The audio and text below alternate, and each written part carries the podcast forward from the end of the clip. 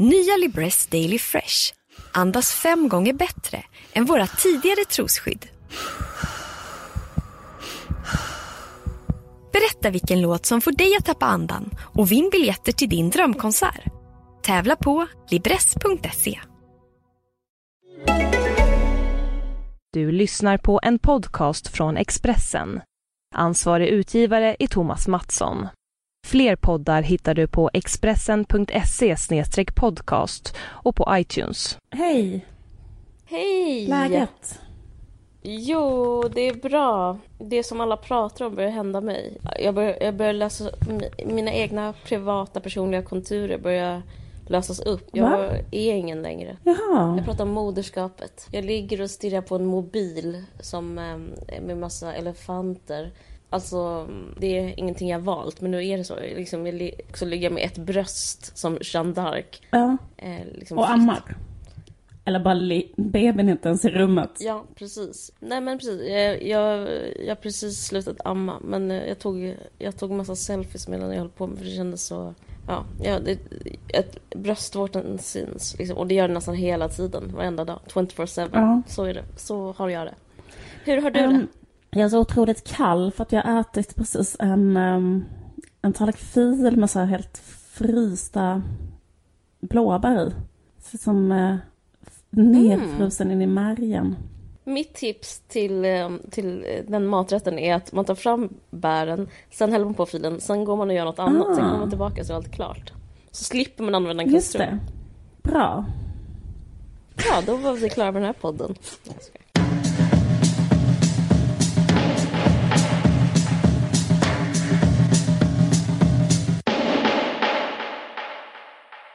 Jag har haft så jävla konstig, eh, så jävla konstigt problem.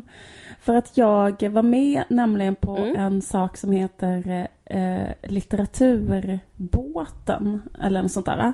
Som eh, tidningen Vi anordnar. Och Okej. det är liksom att ehm, Mm. eh, det är en kryssning eh, mellan eh, Åbo och Stockholm. Där litteraturintresserade människor eh, kan liksom gå ombord, flera hundra, kanske fem, 600 personer. Och så lyssnar de på liksom fem författare som samtidigt är på båten. Och så är man då, om man eh, jobbar då författare på båten, höll föredrag om, om mitt Mm. författarskap och då höll jag liksom två föredrag om dagen. Och de här Mm. människorna åker liksom en tur så fram och tillbaka. Men författarna är kvar på båten i tre dygn. Så att man håller liksom sex Gud. föredrag på tre dygn och, och bor liksom i en hytt. Hoppas det var Ehm, bra betalt. ja. Och att det kommer till det ska jag bara... det. Men gud, vad... Ja, och det som är så jävla sjukt är att då när jag går av båten efter tre dygn till sjöss, Mm. då bara hör jag eh, eh, fortfarande att det gungar som att jag är på en Finlandsfärja. Mm. Och eh, det gör det nu, Caroline. Alltså, och det är fyra dagar sedan. Oj. Och jag känner mig nu som att jag eh, är en gammal sjöbjörn på ute havet de sju haven fast jag så sitter i min, i min lägenhet på land. Det känns som att jag liksom är en full Knäppt. kapten. 24-7, alltså så jävla märkligt. Och eh, det heter så här Mal de Det, Embarquement. bara, det finns ingen lösning. du? Du måste åka iväg igen kanske. Det finns ingen annan lösning än för dig att åka iväg igen på en Måste ta första bästa Finlandsfärja. eh, Så får vi... världsomseglare nu som ja, det, precis. tar, tar en Det är det enda som kommer- till, eh, till Australien själv, som vissa sådana kvinnor. Ja, precis. Ja, precis. Och vissa män. Men jo men i alla fall, men det är så jävla, eh, så jävla konstigt liksom. För att nu, det känns liksom nu som att, ehm, som att golvet bara gungar. Finns det Ehm. inget positivt med det? Låt mig tänka, det var ju en intressant fråga. Det är så livet är halv, eller vad heter det? Glaset är halvfullt. Jag inte höra dig gnälla. Det skulle vara att det känns som att man är full fast man är, inte har behövt betala för det typ. Men det är inte att man är glad utan det är mer att, det är Ah. liksom, att man är lite desorienterad. Hur som helst så började jag, har jag då börjat på grund av min åkomma. Det heter mal d'embarquement, dålig i landstigning. I alla fall, Mm. då har jag varit inne väldigt mycket Verkligen. på hemsidan ursel.com. och det är ingen rolig hemsida. Okej. På- Jag tänker det, hur det är på hemsidan yrsel.com. Det Ja, finns trådar som yrsel utan diagnos i två år. Konstant Sorgligt. ostadighetskänsla och gung-yrsel. Alltså det är massa människor som har så här odiagnostiserad yrsel. Och såklart är det människor som Ja. har så här mal en Ja. de mont, eller vad fan det heter. Och som liksom har haft det Ja, eh, fastnat. Ja men du vet att det är kon- fastnat alltså kronisk. på det här sättet. Så att jag kommer vara så, Nej. leva mitt liv som Kapten Haddock. Eh, nykter. Eh, vad är det det? Men då kanske du liksom um, börjar bo på en husbåt och typ skaffar en hund och Ja, men jag tänker att jag aldrig mer vill sätta mig på en Det är båt. trevligt. Nej, men du har inget val för att på, det är på land det gungar, på havet är det så som stilla. en sån eh, sjöman som bara kan vara, som känner sig instängd liksom. Mm. När det är eh, väggar eh, och tak. Men shit vad psykiskt påfrestande. Det är väldigt, jag tycker det låter fruktansvärt. Det låter fruktansvärt att vara Mm. på en Finlandsfärja. Ett, två, hålla föredrag och tre, vara- tvingas med det där konstanta Mm, yrseln. och sen också tänkte jag på det här. Men vad, jag måste fråga vilka gästerna var? gästerna var. Det liksom såna drägg som vanligt eller var det liksom drägg som... Var det alkisar som gillar med- litteratur? alltså de andra eller vad var det gästerna typ av... som, eh, de andra författarna. Eller de andra, Jag menar gäster på båten, vad kallas det? Passagerare? Det var väldigt mycket eh, liksom kulturintresserade eh, äldre människor kan man säga. Okej. Som åker på sån, typ pensionärer tänker jag mycket åker på sån. Alltså att det är ganska, alltså, Samma det är ganska gamla härligt. crowd, De alltså. åker ju en, ett dygn och så lyssnar de på, på liksom författarförlag så käkar de där på Happy Lobster och, så det är väl mysigt säkert för dem. Ja, ja, men det är typ som bokmässan på vatten kan man säga. Ja, det är exakt Trevligt. så. Precis så är det. Men en sak som jag tänkte på var också att väldigt många författare Mm. i, i, av Sveriges författarkår Mm. har ju varit på den här båten. Mm. Och jag tror att kanske många har också drabbats av malden på Barkemat. För att jag pratade med Carolina Ramqvist dagen efter. Hon hade också, kände sig också som en sån eh, sjöbjörn på land. Jag fattar. Och då tänkte jag också på det att det är också något deppigt därför att tänk väl jag får kronisk sån eh, Mm. dålig ilandstigningssyndrom. Och det kommer också bli dålig litteratur i Sverige av det, förstår du? För då kommer jag vara tvungen att skriva. Det här är någon slags då arbetsskada kan man säga som jag har Mm. fått i så fall. Precis. Men det blir ingen bra Jordan om du förstår vad jag menar. Av Nej, nej. här, jag var på en Finlandsfärja och höll föredrag och sen fick jag kronisk yrsel. Ja visst, om, om det blir ditt sår så att säga som du måste skriva om. Exakt. Det blir ingen bra långfilm Nej verkligen inte. med um, Noomi Rapace i huvudrollen. Det blir inte säg inte det, jag blir lite sugen. Nej men det är tråkigt om alla har samma sår, om alla har samma trauma. Det, ja men precis, alltså kommer det komma som en våg då. Våg, no pun intended, Mm. av sådana författarberättelser. Kanske. Ja, det är också lite pinsamt, eller det blir sån... eh, Jag läste att eh, han, vet du, Yahya Hassan, min favoritpoet Ja. två- 2013, har skjutit en människa i, i benet. Ja, jag hörde Men, också men obs, nu ska jag inte vinkla det här på något jävla sjukt sätt. Han har haft- utstått kanske ja, hundratals dödshot innan dess. Mm. Och blivit misshandlad jättemycket. Men det är roligt om så här, samtidigt i Sverige att, att liksom, ja. Jag bara menar, det på liv och död verkar vara så mycket Danmarks liksom poesivärld just nu. Medan Ja. i Sverige ni, så håller ni på och um, är traumatiserade av en vibåt. Det är rätt så roligt. Exakt. Det är eh, roligt och liksom eh, och kommer bli väldigt, väldigt dåligt. Som, väldigt eh, tråkigt på samma gång. Så det kommer bli ett väldigt dåligt sommarprat av den här eh, kroniska sommarprat Ja, och du försöker även hora ut den nu i vår podd känner jag. Exakt, precis. Och också så här, jag kanske kommer vara tvungen att hålla ett sommarprat om min dåliga ilandstigning så här 2018. Och så kommer liksom jättemånga andra svenska författare också Ja. att ha sådana sommarprat. Jag bara vill flagga för att det kan hända. Eh, vad eh, har du gjort på sista tiden?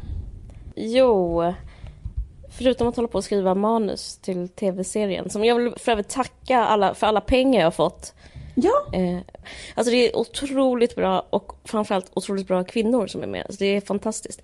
Och pengar hjälper. Och de, vi behöver fortfarande pengar, så ja, jag vill bara säga det. Eh, men jag sitter hela, mitt liv står, går ut på bara att sitta och skriva det här manuset timme ut och timme in. Och när jag inte gör det så ammar jag. Och då, det är väldigt speciellt för, jag, jag vet, har du ammat? Mm.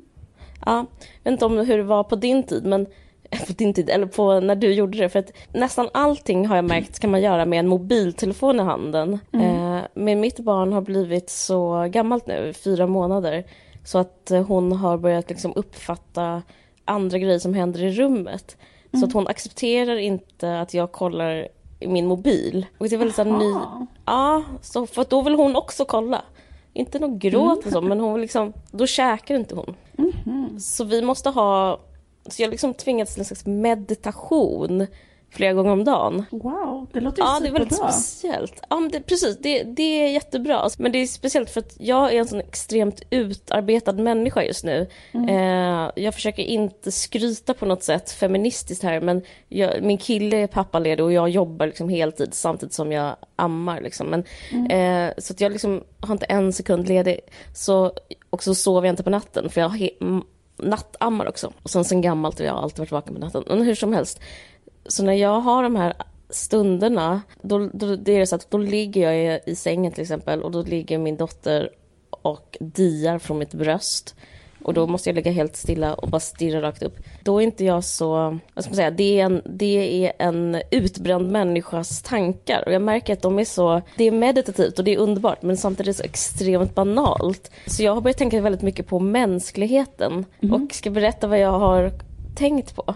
Mm. För att jag ligger också och tittar på min, eh, på min dotter och hon kan ingenting. Alltså hon kan inte sitta, hon kan inte prata, hon är bara liksom totalt inkompetent. Jag älskar henne men hon, hon kan verkligen ingenting. Och så är det så himla svårt att få ihop hur till exempel internet har eh, skapats. Om man ser en bebis kan man liksom aldrig tro att en sån ska kunna liksom skapa internet. Nej. Eller hur hjulet har skapats. Och sen så, men det är rätt så mysigt. Jag tror att jag tror det är ett sätt för mig att koppla av och ligga och tänka på alla olika uppfinningar. Härom, häromdagen, om det var igår, så låg jag bara och tänkte på olika potatissorter. Typ, man, till slut om man börjar se mänskligheten liksom utifrån, att man tittar på en bebis och tänker att du ska gå vidare i ditt liv, så börjar man tänka vad, vad en bebis kan göra när den liksom kan eh, få sin motorik och allting. Så man tänker på att människor håller på med liksom om att människor har skapat så här pomme duchesse, alltså vet du vad det är? Det är någon slags speciell potatismos. Jag vet inte Ja. alls vad det är. Berätta. Nej, det är liksom, jag, jag vet inte heller vad det är. Jag tror det är att det är att man, att man har eh, västerbottenost på potatismos och så blir det jättegott. Mm. Jag, jag, jag har hamnat i en väldigt konstig tillstånd där jag liksom ser allting utifrån som en slags mild... Det låter som jag har hybris, för det, det låter som en person som jag ser mig själv som gud. För jag, liksom, jag ligger och tittar på mänskligheten. Men jag tror att det här har att göra med att jag kan inte producera smartare tankar än så. Så jag, kan, jag liksom stannar på kanske en 12-årings... Om en 12-åring får fritt att filosofera tror jag man börjar tänka på sånt där. Intressant. Men det där med att observera dina tankar, det är ju Mm. första steget till meditation, är det inte det? Ja, alltså jag har aldrig kunnat meditera för att det är så svårt. Men typ det, den första instruktionen man får är typ alltid så här. Du har en massa tankar. Då ska Ja. du bara observera dem. Alltså Ja. du går inte in i så här dem. Utan du ska bara, du, så som du gjorde nu. Alltså det verkar jättebra. Du tänkte så här. Jag observerar att det, det kommer upp en tanke på de chef. Jag dömer inte mig själv. Ja, alltså du vet. Nej, jag bara precis. tittar på det som moln som flyger förbi. Och sen Exakt så långsamt ska himlen klarna och det ska inte finnas tankar. Exakt. Vad tycker du om den här debatten med eh, skärmar och barn? Har du tagit del av den? Att eh, ska man ha mobiltelefon i handen när man har ett barn? Ja, jag läste. Det ska man inte ha. Och eh, det... Nej, jag vet inte vad jag ska säga. Eller att man ska ha det, eller? Var det inte att man fick ha det lite grann? Eller? Eh, jo, men det, jag, det som stod, de gjorde ett inslag i P1s Kropp och Själ och då var det, jag vet inte om det är samma som du tänker på, då var det att om, om ett barn umgås med en förälder som har, sitter med sin mobil mycket så uppfattar den föräldern som deprimerad. Ja, Eh, för den blir helt okontaktbar liksom. Ja, precis. Den är liksom icke närvarande på som en deprimerad människa. Det jag tycker det är så intressant, jag kan hålla med om det. Så är det säkert. Alltså så kan man ju själv känna om man umgås Mm. ibland med någon som sitter så extremt mycket i sin mobil och är helt Mm. ofokuserad. Det är väldigt jobbigt. Mm. Ehm, men det är intressant att ditt barn själv har tagit initiativ till att, för då har ju hon liksom styrt dig till att inte ha mobilen när du ammar. Ja, precis. Jag läste såna konstiga grejer på Carolina Gynnings Instagram. Då har hon någon slags grej som är så här. Jag är med i en grej som typ If håller på med. Jag vet inte vad, men liksom något jävla företag Ja. på med. Och, så är det så här, och det är att, det ska vara, att man ska vara mobilfri från 22 till... Ja, det är Alex Schulman också. Ja, men vem är fan håller på med mobilen efter 22? Alla gör det. Du är sån Okej. hippie, du är en äkta hippie. Men alla, jag sover ju med mobilen, eh, eh, jag håller den liksom i handen när jag sover. Va? Du fick ju sms av mig fem i morse, det är inte en slump. Jo, jo, men jag menar då tänker jag att det är för att du är uppe vid fem. Nej, det är för att jag ligger i sängen och eh, skriver jobbmail och smsar dig och läser eh, Men hur är den här utmaningen? Är den att man ska inte ha mobilen från 22 till när? till sex tror jag. Okej! För det finns något som heter blått ljus. Gud, nu, vet du vad vi gör nu? Vi gör reklam för If utan att få pengar. Fy fan vad sjukt. Ja. Eh, jag, Men det finns ju mycket moralism kring det här med skärmar. Jag har hört liksom, inte förrän två år ska ett barn få se en skärm överhuvudtaget och sånt där. ja, ja. Eh, och jag känner att eh, det må vara sant. Det är väl sant, skitsamma. Men det är så jobbigt för att eh, jag upplever att moderskapet framförallt handlar om en sak och det är att känna sig extremt otillräcklig. Mm. Och eh, jag känner mig som en, eh, jag känner mig alltid misslyckad. Jag känner mig alltid som en dålig mor. ja. Och det är i och för sig ett rätt bra utgångsläge kan jag tänka mig för då kanske man anstränger sig lite men det är i alla fall väldigt jobbiga känslor att ha. Jag pratar Ja. med min psykolog mycket om det här också att det är den typ av, ehm, liksom att livet som man har skapat det för sig definierar en som otillräcklig är rätt så vad ska man säga? Det är svårt. Ehm, och, det också liksom går i hand i hand med ens, med ens kvinnoroll och ens um, liksom, vad ska man säga, socialt ansvar och ansvar över livet överhuvudtaget. Så det, jag, jag tror inte jättemycket på olika sådana förbud som cirkulerar. Det känns bara jobbigt tycker jag. ja. ehm, Typ. Att mammor kan vara dåliga på olika sätt känns så himla... Alltså jag menar, man har ju sådana tankar själv menar jag. Mm, verkligen. Jag tyckte bara att det lät så himla lite. Vadå att inte använda mobilen mellan 22 och 6 på morgonen? Låga krav. Ja men verkligen. Då får det vara Mm. så här, jag använder inte mobilen från eh, kanske klockan sex på kvällen till något sånt där Ja. eller? Sex. Ja. Skulle väl, man skulle kunna tänka sig att säga använder den mellan 9 och 5 eller någonting när det är arbetstid.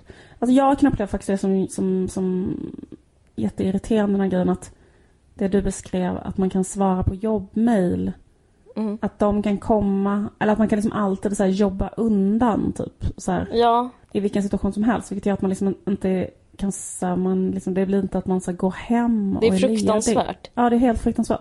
Jag svarar ju på mail när jag, eh, ja alltså under verkarbetet på min förlossning, det har jag sagt innan. Det, det, ja, det är ju helt sinnessjukt. Ja, Men men, det, är, också det är också ett läste en- symptom på hur, li, hur, liksom, hur verkligheten ser ut för, för typ hur, alltså det, det, det säger något om mobilanvändandet. Ja, verkligen. Jag tänkte på det för jag läste en intervju, den här stora DN Kulturintervjun med Silvana Imam för eh, några veckor Ja. sedan. Matilda Gustafsson gjorde.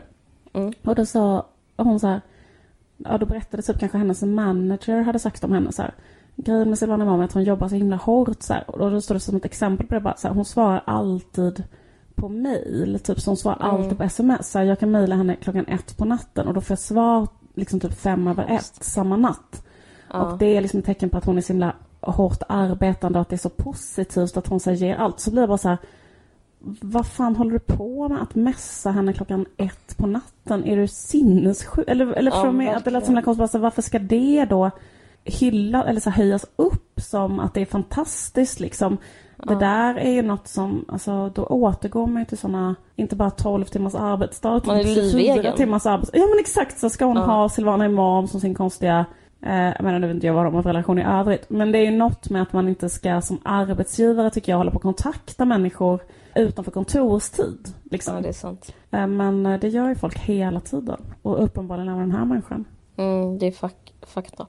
Och då istället för att här, skriva något normalt, så här, jag svarar inte nu, eller typ du kan ringa mig på måndag, är det nio? Så tycker den här människan då att det är så himla bra föredöme att hon svarar. Mm, Och det ska typ så här lyftas upp som en så himla bra grej liksom. Jag tycker det är fel. Jag tycker också det, men det är ju gött för honom eller Ja. Eller vad fan det är. Ja, men det är så lätt att få ångest på natten och det är så lätt att få ångest för jobb på natten. Så därför liksom, eh, men jag börjar tvinga mig själv. Alltså, jag börjar tvinga mig själv att inte använda mobilen så mycket och andas ut och in genom näsan. Det har min eh, sjukgymnast sagt att jag ska göra. Ja. Eh, Men ja. För att då så, alltså också meditativt, att man liksom inte ska, man ska inte låta så här ångesttankar ta en. Det är så väldigt förknippat med en mobiltelefon, att liksom dels googla på olika symptom kanske och dels svara på jättestressande saker om ens jobb. Eller läsa en fruktansvärt blogg. Vad gör du liksom då, alltså typ så här, vad gör du med din mobil? Alltså typ om du, är det, är det som att så här, du får ångest och då tar du upp mobilen för att distrahera dig? Okej. Ja. Det är inte så att du typ tar upp mobilen hela tiden och kollar på den och sen så får du ångest Nej, av jag, har, du ser jag, jag Nej. vaknar av att ha extremt ångest. Ja. Och sen så tänk, för jag tänker så här, gud, eh, jag kommer bli utskälld. Det är en känsla som nästan alla har. Jag vet inte om du har den. Nej, absolut inte. Har du inte det? Nej. Det, det är väldigt många jag känner typ som har den här känslan. Vad har jag gjort för fel? Jag kommer bli utskälld. Vem... Ja, men jag, känner, jag fattar vad du menar för känsla. jag men upptäckt? Det är jättenegativ, jättehemsk känsla. Fan, det är inte alls... eh, Men jag Nej. vet vad du menar för känsla. Typ såhär, jag, jag... eh, Ja men exakt, typ man känner att man jag kommer bli ertappad. Min bluff Ja. kommer bli avslöjad.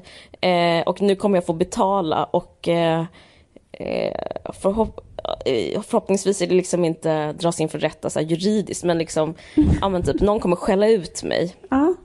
Eh, och då kollar jag min mail för att kolla om det stämmer. Ja. Då kanske jag fått ett mail från min producent eller någon eller min revisor och då bara ser jag det mejlet och så bara kan jag inte öppna det. Men nu vet jag att det finns. Och sen så, så istället så börjar jag försöka förneka förneka min egen ångest. Och alla som har, känner till ångest, är, att det är det sista man ska göra. Man ska vara i ångesten och så går den över. Men istället börjar jag distrahera mig genom att liksom Ja men typ, du vet, kolla sociala medier, läsa någonting, vara uppe, skriva ett sms. Ja, Ja, sådär. För att jag tycker också det kan vara en sån här grej med typ så här, eh, internet att man kan liksom att man, man kan vara bara så lite uttråkad och så Mm. typ så på kvällen, det här är det sämsta man kan göra, typ lite uttråkad så ligger man typ och scrollar så typ så börjar man leta så man liksom så här gå in och gå vidare och liksom leta upp massa grejer som man läser. Och då får man massa olika känslor av de grejerna.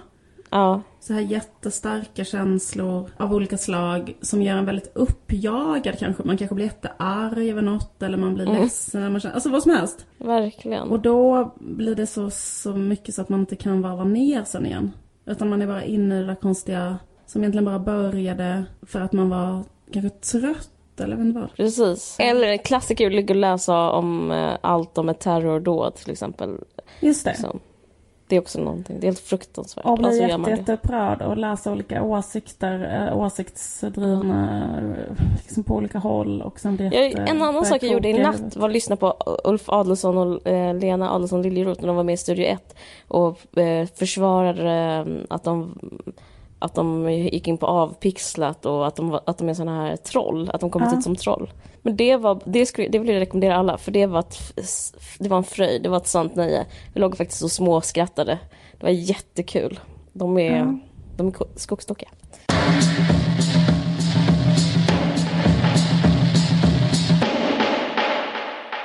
Vet du vad jag kom på? Jo, att våran bok har ju fan kommit ut i pocket, eller hur? Ja, Och eh, det är fantastiskt, då är det mycket billigare. Och då kan man köpa den. Vi Ja. gjorde en bok förra året, eller hur? Ja Som vi borde hora ut i podden. verkligen. Eh, den heter Kära Liv och Caroline. Går att köpa på Naturkultur. Mm, jättemysig. På Naturkultur? Det går ju inte gå dit och köpa den. Den går att köpa överallt, särskilt där de säljer pocket. Två, det är två stycken väninnor som varit vänner jättelänge som har skrivit den. Det är alltid du och jag. Jag tycker det låter trevligt. Eh, precis. Jo, eh, jo, men grejen är så att du skickade ett sms till mig innan Mm. vi skulle spela in idag där du skrev så här. Har inga ämnen, utropstecken, utropstecken, inser jag, punkt. Inget att säga. Har du något? Och då så postade jag det på mitt Instagram och eh, då var det massa människor som eh, skrev. Jättemånga har kommit med förslag på vad vi ska prata om. Mm, mm. Var det något du fastnade för? Alltså, jag ser att extremt många människor har önskat att vi ska prata om Ebba Witt-Brattström och eh, Horace Engdahl. Mm. Och eh, skriver så här, typ vad... eh, Vad tycker vi om... Eller vad tycker jag om den här debatten? Just det. Till exempel så här, Ebba Witt-Brattströms nya bok och länka det till dina egna erfarenheter av Horace skriver det. David Bjr. Mm. Men jag kan bara säga det som kanske många förstår så det säger så är det väldigt svårt för mig att eh, säga någonting om det just nu. Men jag kanske kommer skriva en punktroman om ett år. Så jag kanske får vänta på den. Mm. Den ska vara så här. Hon sa Leopardi, är inte han? eh, han sa Vart ska vi gå nu? Kartan verkar vara hållen upp och ner. Hon sa. Jag tror att det är åt vänster. Nog om det.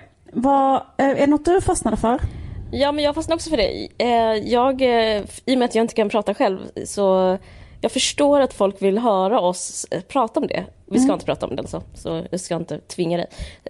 Men jag förstår det, för att jag måste bara erkänna mellan raderna, mellan poddraderna, att jag tänker väldigt mycket på det här. Jag vill bara säga du det kan också. prata om det i och för sig. Så kan jag, Fast det blir så kan väldigt konstigt om jag pratar om Okej. det utan att få någon slags gehör. Att det, Det att säga pass och sånt varje gång jag säger Ja. någonting. Men jag, eh, jag kan bara i min, eh, alltså jag, Caroline, har tänkt väldigt mycket på det här och jag såg den där Babel-intervjun de ville att vi skulle prata om.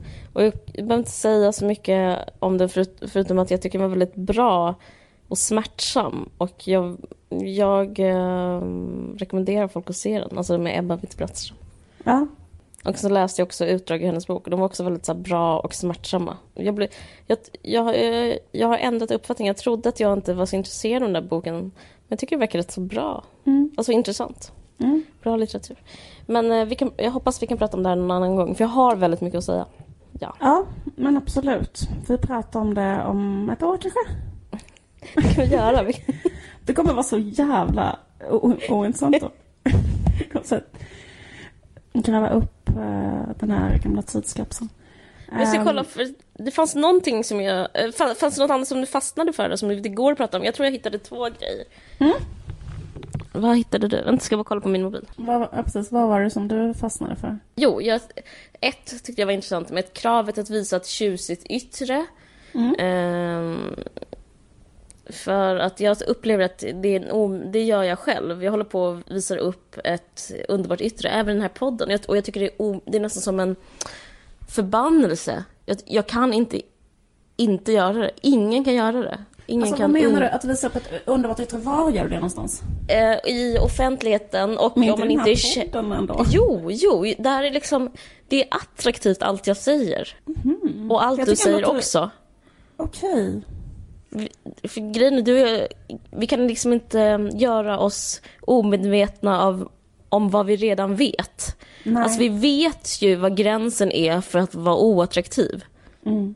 Om du skulle prata om eh, något, eh, något som gjorde dig osympatisk och rasistisk och mallig. Du gör aldrig det och jag gör aldrig det heller. Och, vi gör, alltså, och det är en hundraprocentig Mallig regel. kanske, eller? Mallig kanske, ja. Ja, det här kanske kanske till och med är det. Men, men jag menar att man har en slags... Eh, fast, man, fast jag visar mig sårbar så vet jag alltid liksom var gränsen går. Och det gör... eh, Och det gör liksom att man aldrig kan vara riktigt ärlig. Och det blir liksom en slags tjusigt yttre av en person som är bra på att visa sig sårbar istället för riktig sårbarhet. Jag skulle aldrig kunna säga en politiskt inkorrekt åsikt. Jag har faktiskt inte så jättemånga, men jag menar jag tror att det är en, tror, det känns som ett fängelse, att liksom det här med eh, den putsade ytan. Jag känner att jag lever i den jättemycket.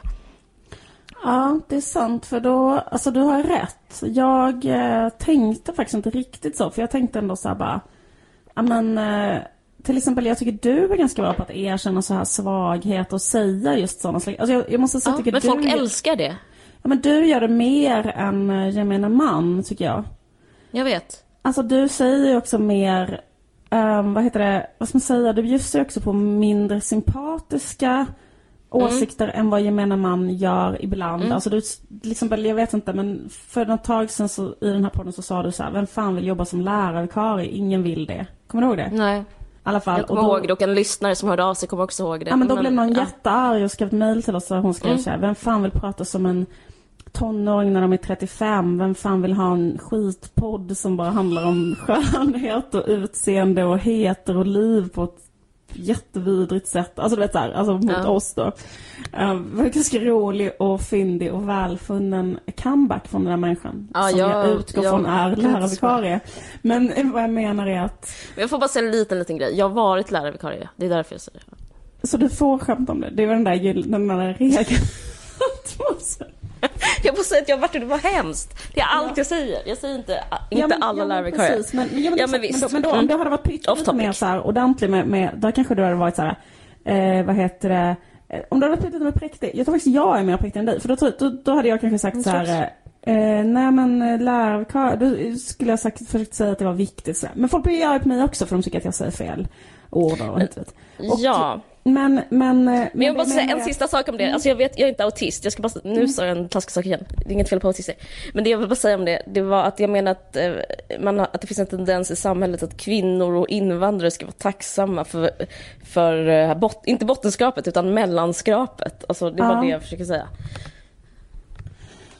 Ja, ja precis, absolut. Och det tror jag att man förstod när man lyssnade mm. att du inte menade så här. Men, men, men Jo men jag, jag menar, vi pratade ja, om att framställa sig själv ja. att liksom som, som, som en människa med mer sköna åsikter än vad man egentligen liksom har. Det behöver inte vara åsikter, det är bara liksom en yta man håller på att representera hela tiden mm. och det är liksom rätt så ytligt och mm. jag, jag känner mig skyldig till det helt enkelt. Ja. Och du, jag tror du också är det. Ja gud, jag är såklart skyldig till det, absolut. Men jag tror att jag typ så här, innan du sa det här, vilket du har ja. rätt i, så tänkte jag så här, ja men vi och du speciellt är lite bättre på att inte låtsas vara perfekt. Mm. Men det är bara men... för att jag har andra ideal. Jag är perfekt enligt mig själv. Ja, ja. Jag tycker man ska vara som jag. Jag tycker man ska så här, gå lite över gränsen, berätta något privat. Eh, inte alltid vara så polerad.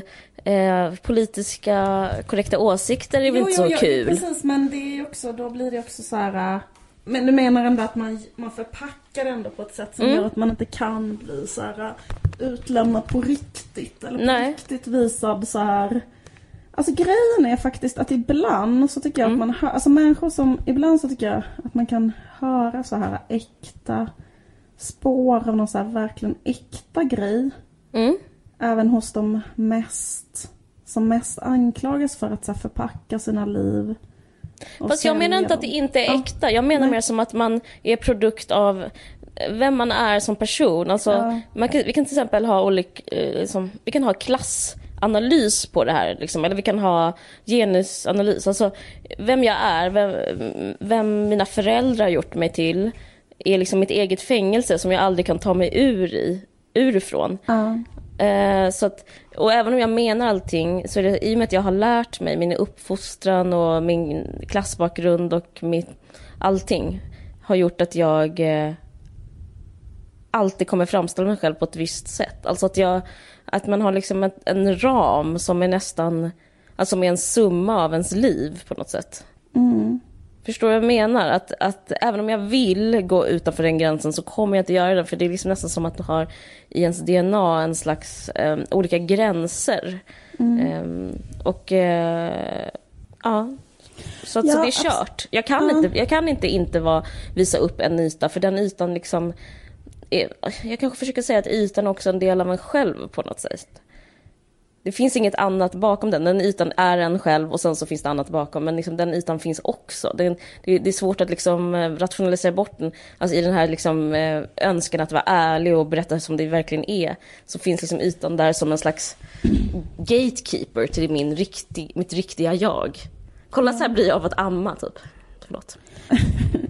Jag upplevde frågan som att alla ungefär är drabbade av en drivkraft nästan som är att visa upp en liksom en perfekt eller, eller gångbar yta. Alltså jag tänker att hon måste nog tänka på, för det här postades på Instagram, alltså den här grejen som man slentrianmässigt klagar på, liksom att, att man har ett sånt lifestyle-liv ja. med goda frukostar och mm. gulliga barn och mm.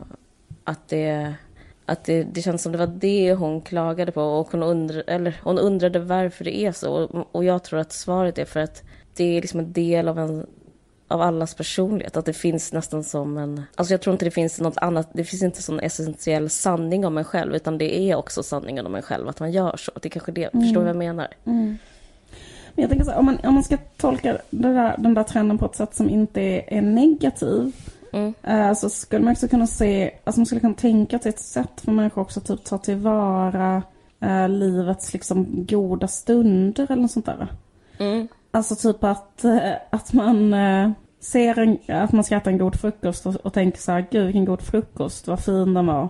Så fotar man den, så postar man den och då liksom eh, blir det ett sätt att, att liksom att vad heter det? Ja, men uppskatta, ja. Ja. Och, uppskatta sitt liv eller det positiva så här, Ja men tänk ändå vad gulligt mitt barn är fått att lägga ut. Alltså tänk ändå, alltså typ att det blir ett sätt, det, mm. kanske inte, kan, det måste vara negativt, det kanske är lite moralistiskt att hålla på och vara så himla negativt. Ja, verkligen. Men jag tycker det är intressant, för jag har tänkt på det i andra sammanhang. För att jag skriver en roman också, och jag har skrivit innan. Och jag tycker att eh, det handlar jättemycket om... För mig är det en slags sorg också. För det finns en slags språk, ett språkligt stopp som, är, som jag läser in i det här. För att det det är liksom, om man känner på ett visst sätt, säg till exempel att man får en eh, diagnos är depression, då upplever jag att mitt språk är så polerat och har ett stopp, så jag kommer aldrig kunna berätta hur, de, hur det känns och hur de mm. känslorna är och beskriva min tillvaro. Och det kan jag inte göra för någon vän, det kan jag inte göra i en bok, det kan jag inte göra på Instagram, det skulle jag kanske inte göra. Men mm. jag börjar tänka lite på, på sådana grejer, för det påminner om det, liksom att man aldrig man, har, man kan aldrig vara i kontakt med en riktig sanning, för det finns liksom inget språk för den riktiga sanningen. Mm. Men jag tror också det är en drivkraft för mig att skriva. Jag, jag älskar att skriva om riktigt hemska saker. Jag skriver om så frukt... Min bok handlar om fruktansvärda grejer. Eh, och det handlar jättemycket om mor och dotterrelationer som är... Alltså min egen med min mamma som är otroligt eh, såriga och komplicerade. Men, eh, men det är ju ett avstånd mellan språket och det och den riktiga relationen jag skriver om. Och det är någonting som, som, man, som man kan eh, triggas av, men det är svårt. Eh, Samma med humor. Ja, skitsamma. Jag blir, med humor, men jag tänker på mitt eh, manus nu, det är ett humormanus. Det är samma sak där. Det är roligt, men hur ska jag kunna få det ner i ord så det blir roligt? Alltså jag tycker det är intressant med ytan. Man kan ju säga att språket är en yta egentligen. Ja. Men det är svårt också med den där essentiella sanningen. Så här, vad är den essentiella sanningen kring någonting mm. och när är man sann då? Alltså även i, i sin familj, mot sina barn, mot sin partner. Alltså så, här, så finns det ju saker man inte delar eller uh, ja. Alltså mm. man blir, känslor blir, upplevelser blir olika saker med olika människor. Mm. Jag vet inte om det finns någon så här essentiell sanning kring så här, den, den sannaste, innersta känslan. Men även om det skulle finnas det så går det ju knappt nästan inte att formulera det för den är mm. kanske inte ett ord, den kanske är något annat. En liksom mm. tillstånd eller någon känsla eller whatever. Någon mm. annan fråga som du fastnade för? ja, jag tänkte på en faktiskt som jag också har tänkt på. Det är faktiskt lite det där med, med som vi pratade om innan med yta och sådär. Det var en mm. som skrev så kan inte prata om sexuella övergrepp mot barn. Okej. Okay. Eh, men jag, alltså jag bara tänkte på en sak som jag, för jag läste senaste numret av tidningen Mama. Mm. Och då var det en intervju där med Elaine Eksvärd som är den mm. här retorikexperten som har skrivit en bok om eh, att hon blev sexuellt utnyttjad av sin pappa. Och så blev hon intervjuad av det, om det. Mm. Och eh, så tänkte jag på det där, det där är så jäkla... Um, alltså det är så himla himla beundransvärt av henne att göra det. Och jag blev helt så här... Um, jag tyckte det var så... Uh, fantastiskt. Jag tänkte så här, liksom, vem fan skulle palla göra det? Och att mm det verkligen är att... Eh, ja men om man pratar om så här gränser för vad man kan säga. Mm. Så är Absolut. det verkligen... Alltså jag, det, jag skulle säga att det är mer... Va, varför är det så? Men håller du inte med om detta? Att det är mer tabubelagt att berätta det, till exempel att man har blivit sexuellt utnyttjad när man var liten, än att mm. säga att man typ har blivit våldtagen när man är vuxen. Eller liksom för att det finns eh, mm. en sån Precis. himla internaliserad skam och liksom hederskultur. Och att offret liksom är jättestigmatiserat. Eller slash och att det är att den grejen är så hemsk för folk att ens närma sig eller tänka på. Så att mm. man vill typ inte prata om det eller höra om det eller så här, om någon Jag tror det skulle... handlar om det första, att man är liksom, att man eh, om det är man utsatt för sexuella övergrepp av sin pappa som barn, Mm. då berättar man ju en hel historia om vem man är. Alltså, Ja. en våldtäktsman kan man separera från sig själv. En, Ens upplevelse, uppväxt menar jag, eh, är, är ju en själv. Mm. Eh, och då måste man stå för det på något sätt. Då, måste, då är man sin... Alltså då är man den där skamfilade, smutsiga, alltså helt sjuka. Det är liksom så Precis. långt ifrån en borgerlig dröm man kan komma. Exakt. Det, Och också att det innebär då att lämna ut, alltså det, det är liksom, det som är så intressant med det hon Mm. gör nu är ju att hon ställer sig så himla tydligt så på sin egen sida och lämnar Mm. ut pappan och struntar i det att eh, det kommer ju såklart att vara hundratals människor som kan identifiera honom och sådär. mm, Och eh, då bara är hon så här, nej för att det var inte mitt fel, för att det var hans fel. Och eh, så är det för alla som blir sexuellt utnyttjade. Och, alltså du vet, och man har inget ansvar för den andra personen och, och så. För det, är den har gjort, för det är den som har gjort fel. jag tänkte också på det, att, näst, att eh, och det var så jävla. Ja. fantastiskt. Alltså jag blev så jävla rörd av att hon gjorde det. Och, det var så, och jag kan inte komma på någon annan som har, som har gjort det nästan. I, i Nej, Sverige. jag kommer inte heller på någon annan. Men det som var också väldigt fascinerande var att hon eh, vågar bryta med pappan. Och det här låter kanske konstigt, men, men det behöver, även om det inte är så här sexuella övergrepp involverat så är det så... Bara en sån sak att hon liksom väljer sig själv framför honom Ja. tycker jag nästan är... Det är nästan för mig det är som att liksom titta på en skräck... Liksom, inte skräckfilm, men att man bara... Att, att, att våga bryta med sin familj, att inte liksom ha... Bara, det, bara den grejen, den reagerar jag nästan på mer. Det låter kanske som att jag är känslokall, men jag, jag reagerar på det. Hur, hur vågar hon välja sig själv? Jag, fatt, Ja. jag fattar inte det. Nej, det var så jävla bra och att hon inte liksom, vad heter det, bi, liksom fortsätter att eh, upprätthålla någon sån typ heder eller så här, hederskultur i familjen. Typ att, att Nej, hon bryter liksom ett kontrakt. Precis, hon som- bryter kontakt och det, var, och det känns helt ofattbart att hon kunde göra det. Sen var det andra dimensioner av den där historien som var intressant. Till exempel att hennes mamma, att hon, föräldrarna var skilda och hennes mamma är från Brasilien och inte kunde svenska språket och inte kunde riktigt um, Alltså misstänkte att det här hände men inte kunde liksom försvara sig eller driva caset i svensk Mm. myndighets... Så här, det finns så himla många sådana grejer också. Alltså jag tänker mig eh, Alltså att det finns liksom så här hur utsattheten olika utsatthet förstärker varandra. Mm.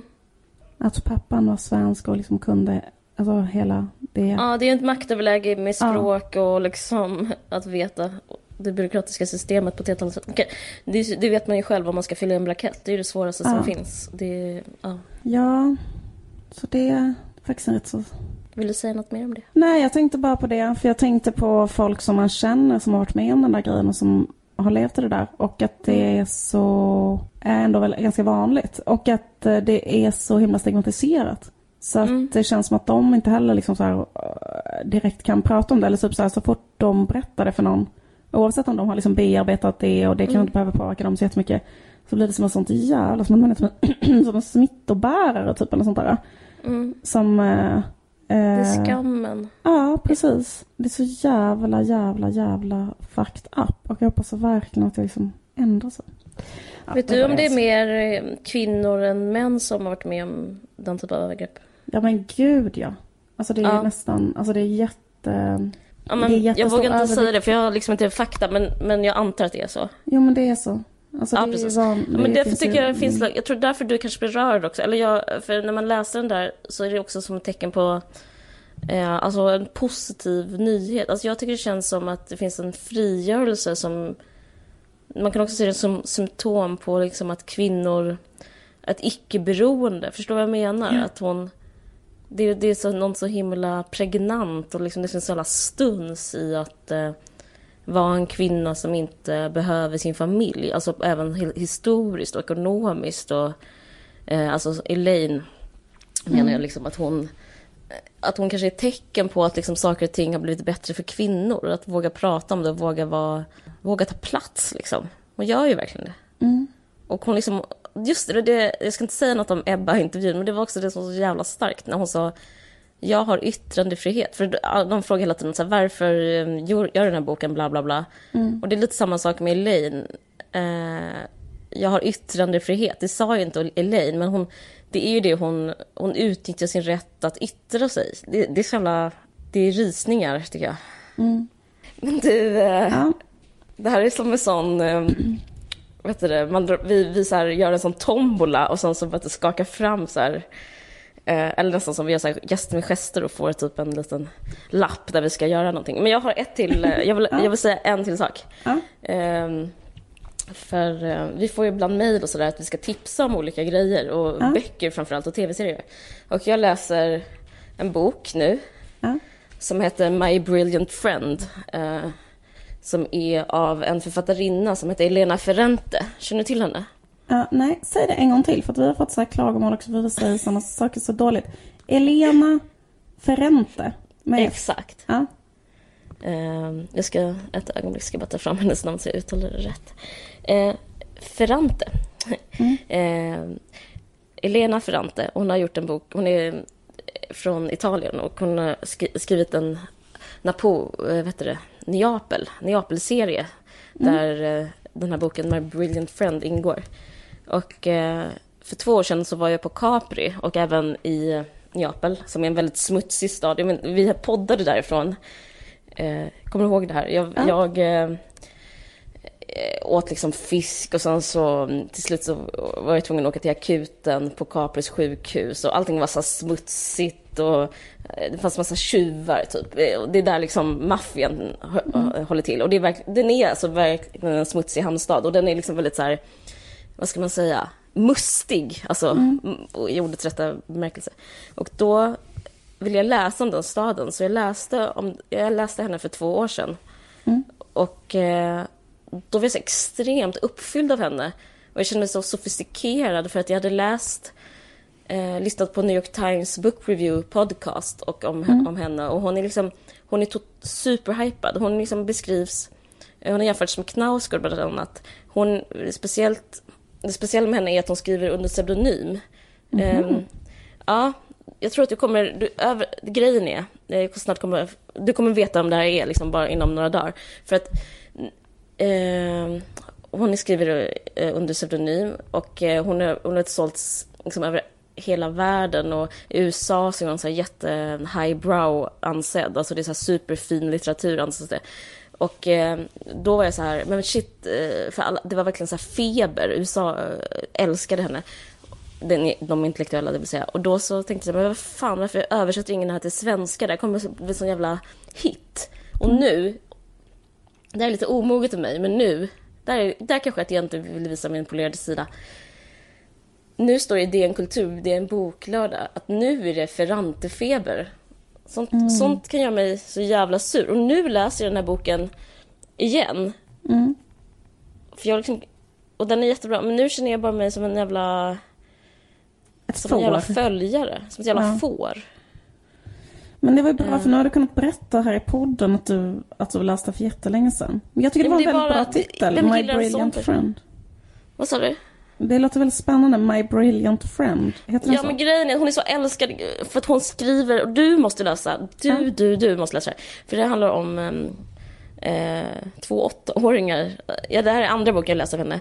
Eh, den andra handlar om eh, en sån medelålders kvinna som är väldigt loj och be- bestämmer sig för att begå självmord. Men den här handlar om två åttaåringar som är väldigt så bra i skolan och men kommer från så arbetarklasskvarteren. Och det är två kvinnor, alltså flickor helt enkelt. Och det handlar liksom om, eh, det, är så fruktansvärt bra beskrivet om hur det är att vara så åtta och flicka. Och liksom och inte vara eh, så intresserad av killar utan bara liksom vara intresserad av att läsa och vara intresserad av att vara med en kompis och hålla på att springa och faror och bråk och Eh, och sen så, eh, jag blir så fascinerad av henne så jag liksom försöker googla henne och läsa allt jag kan men hon, hon, är, hon ger aldrig intervjuer. Apropå kändisskap, jag vet inte om vi ens pratat om kändisskap, men hon har valt bort, hon vill aldrig bli förknippad att verk och person ska liksom gå ihop så därför har hon valt det här med Och det är pseudonym. därför hon har pseudonym också. Ah. Ja, precis. Ingen vet så att ens vem hon, hon är. Ingen vet vem hon är och all, det jävla Italien tror, jag läste precis en artikel i New York Times, att i Italien så tror alla att hon är en man bara för att hon är så jävla bra, så typiskt sexistiska Italien. Men då svarar hon så här, nej, jag är en kvinna, alla som typ har en alla som läser mina böcker läser in liksom, eh, könet i dem. För det handlar bara om moderskap, om att vara flicka, om att vara dotter, om att vara mamma. Mm. Om, eh, först om att så här, att, att, av att ens kunna få barn och den ångesten och sen så ångesten kroppen gör med en. Och sen så, men hon skriver liksom om det, inte liksom på ett här, vad ska man säga, självupplevt sätt, utan hon skriver om det väldigt gestaltande, som mycket så storytelling. Alltså det är så bra. Mm. Okay. Du måste läsa det. Ja, det låter underbart. Tack, det var ett jättebra tips. Mm. Men kan du känna sådär ibland att du är sur om du varit först med något och typ vill... Um, alltså det är, en, det är en sån gammal, typ ett rudiment från när man gick i högstadiet, typ när man hade hållit på med musik och sådär. Men det var väldigt länge sedan jag hade den känslan nu. Det känns som den försvann med internet rätt så mycket. Ja. Alltså det finns inget egenvärde i att ha koll på samma sätt som det fanns liksom eh, när det var svårt att ha koll. För då var man tvungen att leta i ett bibliotek eller beställa något från England eller sådär. Ja, precis. Men ja, just det.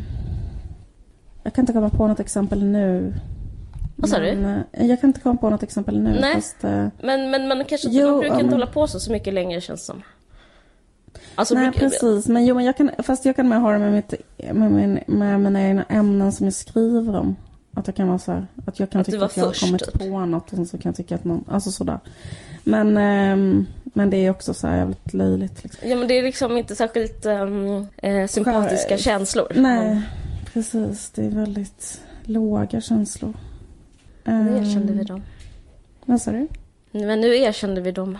Så jävla Apropå. äkta, så jävla, så jävla naken den här podcasten. Riktigt Jag stirrar rakt ner i själen på de här halvgamla kvinnorna. Precis. Jag har liksom läst, alltså. typ, jag, jag läste så här genom mina gamla dagböcker igår. Därför att, eller speciellt en dagbok som utspelar sig mellan 2002 och 2005. Wow. Därför att eh, jag ska göra en utställning i Malmö på ett seriegalleri och då liksom tänkte jag om jag hade någon anteckning där eh, från, eller några teckningar eller någonting från när jag började teckna eller så.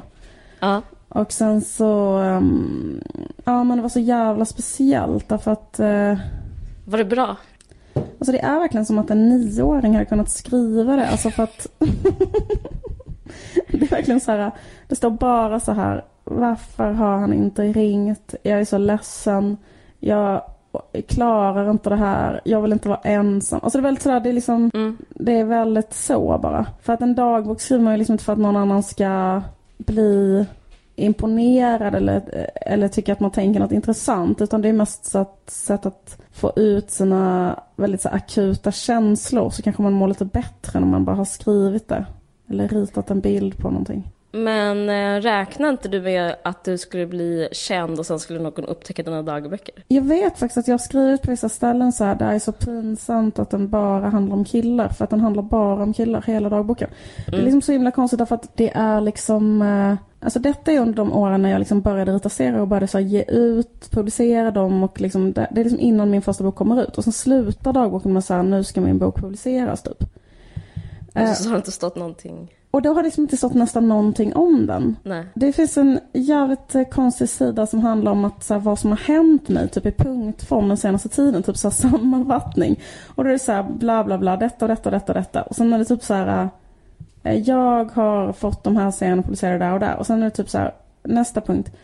En, en kille som går på min capoeira har sagt att en kompis till honom tyckte att jag var snygg. Och då när han sa det så sa han det så här. Min kompis tyckte att du var snygg och då sa den här killen som berättade för mig och då kunde jag inte annat än att hålla med eller något sånt där. Så att han också har sagt det.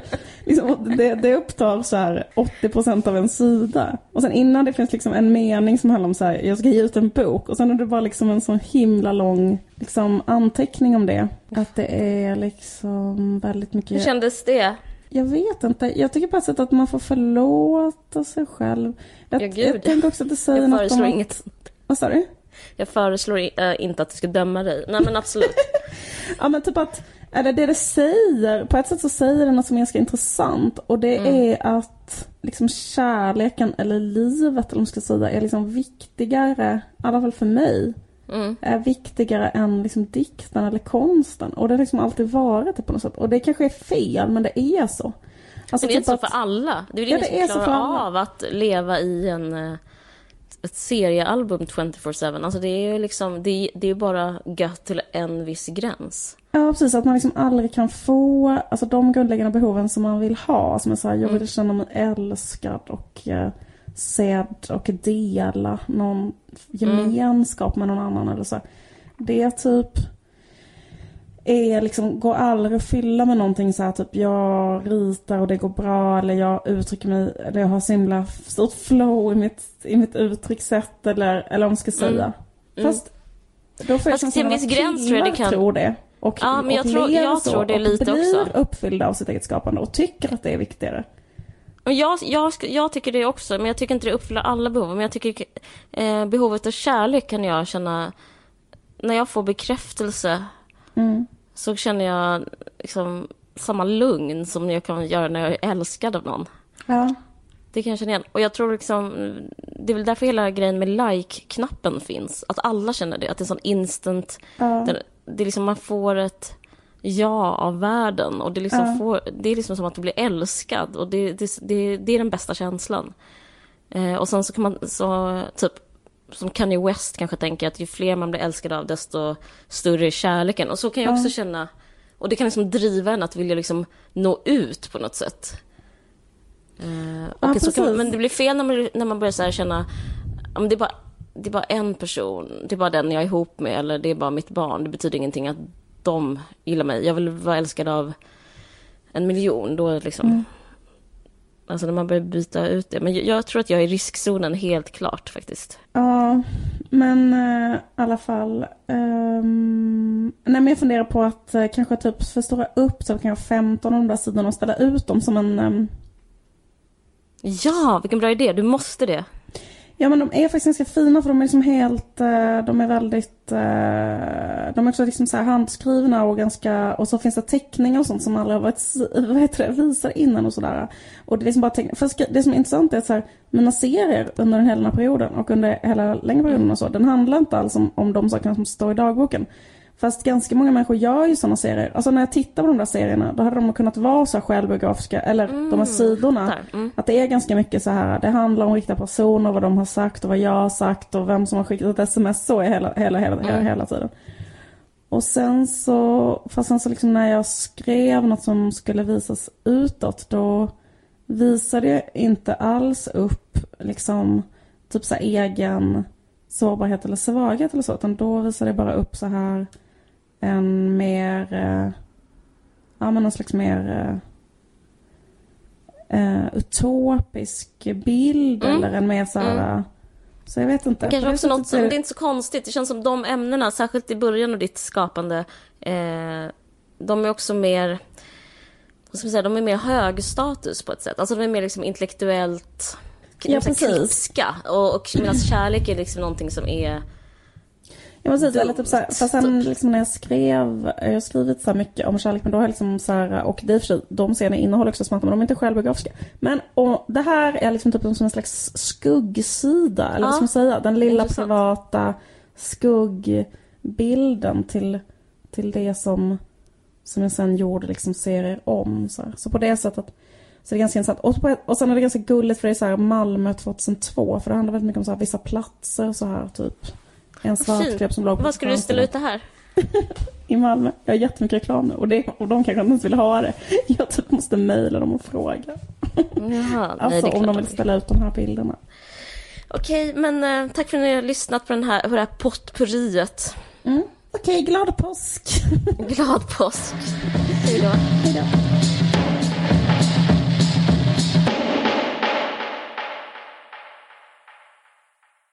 Du har lyssnat på en podcast från Expressen. Ansvarig utgivare är Thomas Mattsson. Fler poddar hittar du på expressen.se podcast och på iTunes.